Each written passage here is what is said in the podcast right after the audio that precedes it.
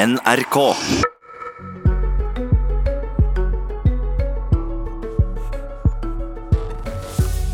Det er fredag, kongen er friskmeldt, og alt ligger klart for at Solberg-regjeringa versjon 4.0 kommer ut på Slottsplassen om noen få timer. De nye navnene til eh, Erna Solberg si regjering kom som perler på ei snor i går. Det skulle ikke være lett å holde lokk på dette.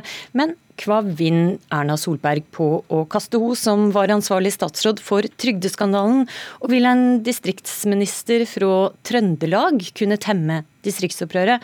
Og kan Trine Skei Grande unngå leierkampen ved å utnevne sine to utfordrere til kongens bord? Dette skal spørsmålene spørsmål vi skal prøve å få svar på. Lars Nehru Sand, kommentator i NRK, og Tone Sofie Aglen, kommentator i VG. God morgen. God morgen. God morgen. Vi begynner med det. Sand, blir det ei mindre grå og kjedelig regjering nå med dette statsrådsskiftet her?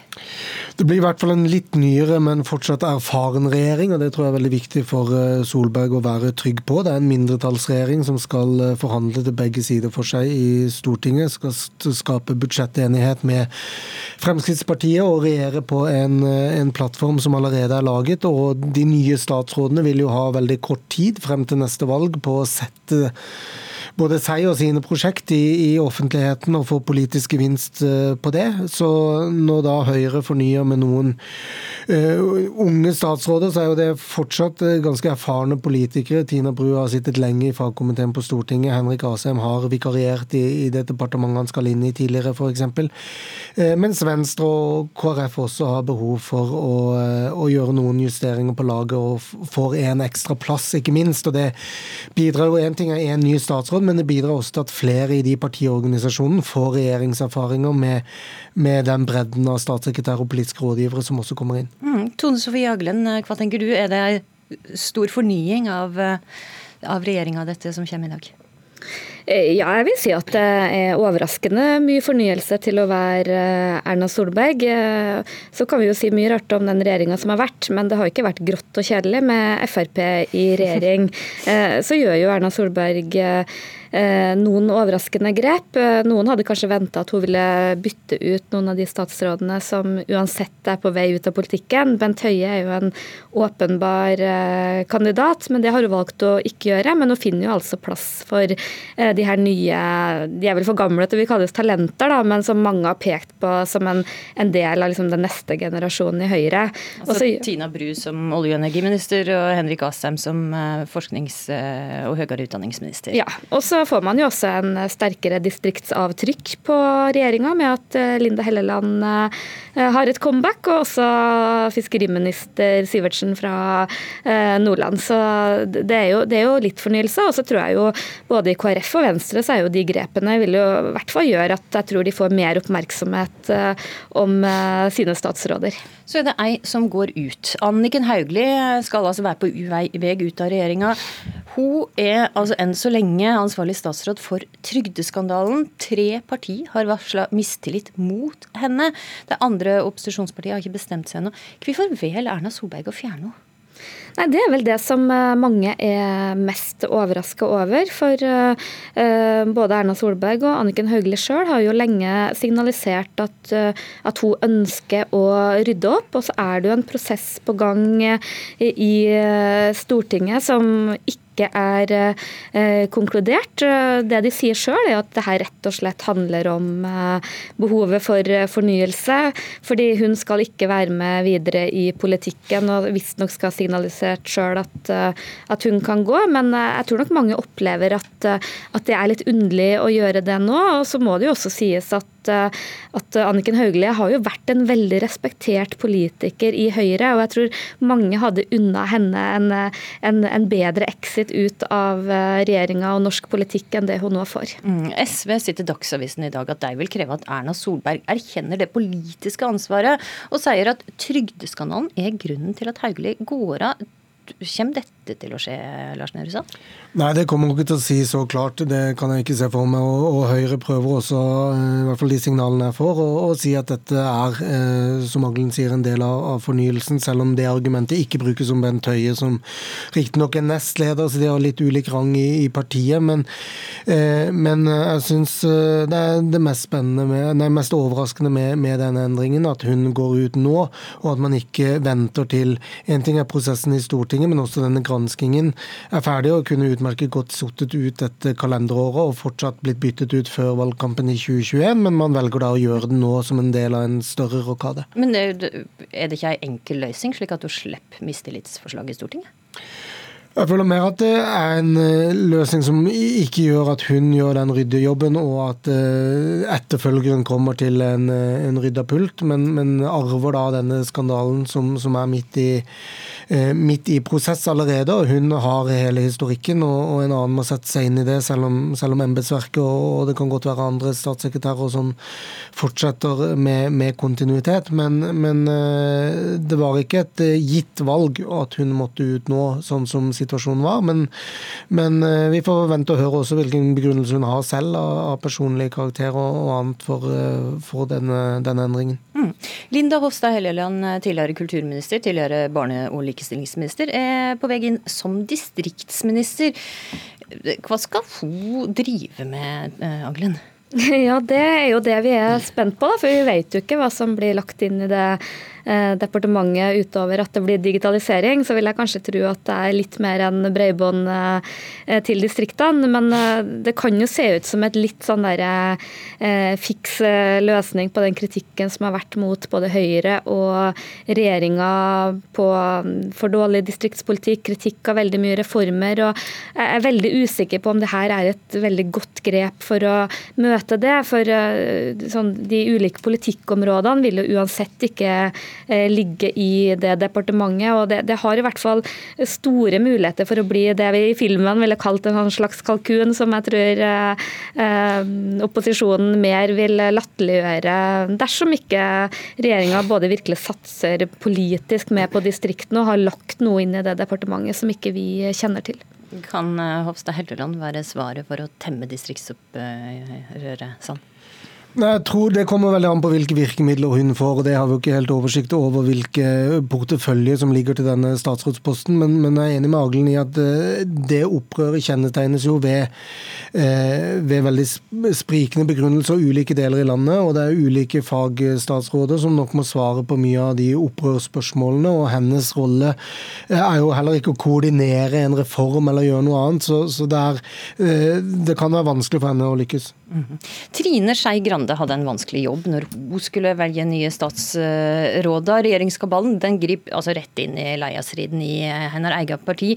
Hvordan blir det å få Abid Raja inn som kulturminister i hennes gamle jobb med alle de konfliktene de to har hatt? Ja, det tror jeg mange er spent på, både i Venstre og også i de andre regjeringspartiene. Jeg tror nok at det har ligget, sittet veldig langt inne for Trine Skei Grande å gi slipp på en, en, nær alliert som Ola Elvestuen har vært, og også ta Abid Raja inn i regjering.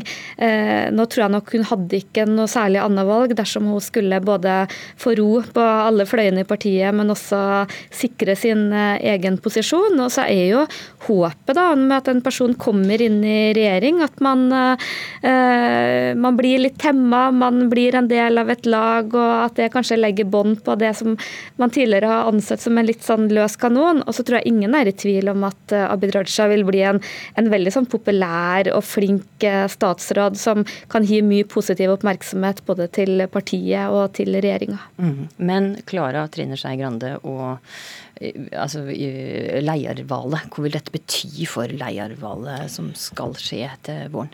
Jeg tror det kan være et smart trekkerhov som, som ønsker å fortsette, åpenbart. og, og Det kan ikke bety at de to andre trekker sine kandidatur, men, men, jeg tror nå har de tre en ganske lik plattform. De er statsråder i Erna Solbergs regjering, alle sammen. Eh, og, og Trine Skei Grande har et fortrinn med å være leder, og det å skulle utfordre en sittende leder som vil fortsette, er, eh, er i seg selv et, eh, ja, et, tøffere valg, hvis du velger å gå for det. Eh, så vi får se hva de to andre signaliserer. Så er det også også spennende å merke seg at Iselin Nybø eh, fortsetter i regjeringsapparatet. og Noen i Venstre er jo veldig opptatt av å ha i hvert fall én i ledertrioen i partiet som ikke er bosatt i Oslo og lever hele livet sitt der. Eh, så det kan også spille inn på nestlederrollene, denne kabalen som nå er lagt. Ja, Det blir spennende å se. Du, Vi skal ta med en gjest til. Per Sandberg, tidligere statsråd og nestleder, tidligere nestleder i Frp. Først spørre deg om Abid Raja. Han blir sett på som en rød klut for Frp. Hvordan eh, vil ditt gamle parti reagere på å få han inn som statsråd? Jeg er ikke så bekymra for Abid eh, Raja i hele tatt. Han vil bli en fargeklatt i regjering, det er jeg ikke i tvil om. Mer bekymra for det politiske. Men jeg tror ikke at Fremskrittspartiet skal føle seg sår eller Eh, på noen måte være misfornøyd. For eh, indirekte så er det jo Fremskrittspartiet som har satt eh, Abid Raja inn i den norske regjeringa. Mm, og skjønner, og Hva reaksjoner tror du det vil komme i ditt gamle parti på at han Listhaug kalla for imamsleikeren, og som du sjøl har hatt ei rekke harde konfrontasjoner med, nemlig Knut Arild Hareide, skal bli samferdselsminister? Jo, men jeg hører at det er mange som er veldig overraska over at Hareide går inn i regjering. Eh, også fra ekspertkommentatorene fra aviser og media. Men for meg så er det ikke overraskende i det hele tatt. Eh, jeg sa jo om Hareide den gangen at denne prosessen gikk på, eh, at han viste mot. Eh, han var Norges modigste politiker på det tidspunktet, som torde å utfordre og ta et klart og tydelig valg. Mye av argumentasjonen fra Hareide den gangen var jo at han ikke kunne gå inn i regjering fordi at Frp satt der. Nå sitter altså ikke Frp i regjering lenger, og da mener Hareide at eh, det er greit å gå inn i regjering. Jeg er mye, mye mer bekymra hvis det er riktig at han blir samferdselsminister. Eh, for det vil da eh, FrPs velgere tape betydelig på. Bilistene vil tape på det, distriktene vil tape på det. For da er det ikke noe tvil om at eh, masse ressurser fra vei vil gå til bane og kollektivt. Mm. Og du eh, mener også at Frp sine velgere rett og slett har tapt på at Frp gikk ut av regjering, og en av ganske få stemmer i Frp som sier at dette var et feil valg av Siv Jensen. Hvorfor det? Jo, ikke, ikke, ikke bare Siv Jensen, men uh, hele partiets ledelse regner jeg med står bak denne beslutninga. Jeg registrerer at de som var imot å gå ut av regjering eh, forrige uke siden, de er for nå. Eh, og det er vel da meningsmålingene som løfter dem også. Eh, det er jo et paradoks da, at alle dem som har vært misfornøyd med Fremskrittspartiets deltakelse i regjering, enten det er folkevalgte, tillitsvalgte eller det er velgerne, vil nå få mye mer av det som de faktisk var misfornøyd med. Men sånn er nå engang politikken, da. Eh, Fremskrittspartiet vil løfte seg betydelig på meningsmålingene. Sannsynligvis gjøre et eh, meget godt stortingsvalg i 2021. Eh, men så er det da dette med å få gjennomslag og sitte med hånda på rattet. Der tror jeg Fremskrittspartiet vil nå sitte utafor maktens korridorer i lang tid, dessverre. Fordi at eh, venstresida i norsk politikk samler seg, eh, og jeg er rimelig sikker på også eh, at KrF eh, vil vende seg mot venstre når vi kommer til 2021. Mm, det er også spekulasjoner om det blir en leierkamp i eh, Frp nå. Hva tror du? Nei, eh, jeg ser at det er noen få, det er Carl I. Hagen og noen andre som driver og roper om dette lederskiftet i Frp. Siv Jensen sitter veldig trygt hun så lenge hun ønsker sjøl. Men det er klart at for Siv Jensen så er det sikkert også en grense på hva hun skal styre av parti. Eh, og det er jo, jeg skal ikke legge skjul på at det er en fraksjonskamp i Fremskrittspartiet nå. Noen ønsker å gå i en nasjonalistisk retning, eh, og liberalismen blir mer og mer fraværende. Og da er det spørsmål hvorvidt at eh, Siv Jensen sjøl ser hvor ja, hvor vitsen er med å sitte videre og styre partiet. Eh, men Siv Jensen ser en meningsmåling i dag. Der at nesten 70% svarer klart og tydelig på at eh, Siv Jensen sitter veldig trygt, og at velgerne vil ha Siv Jensen med videre som som, som leder. Ja, Men for se hva som skjer. Takk Per Sandberg for at du var med i Politisk kvarter. Takk også til Lars Nehru Sand og Tone Sofie Aglen. Og til slutt så skal jeg ta med at det er dramatikk også i lokalpolitikken. I Bergen sier nemlig byrådsleder Roger Valhammer at byrådet går av etter at flertallet i bystyret fikk mistillit mot skolebyråd Linn Kristin Engsjø i Engø i går.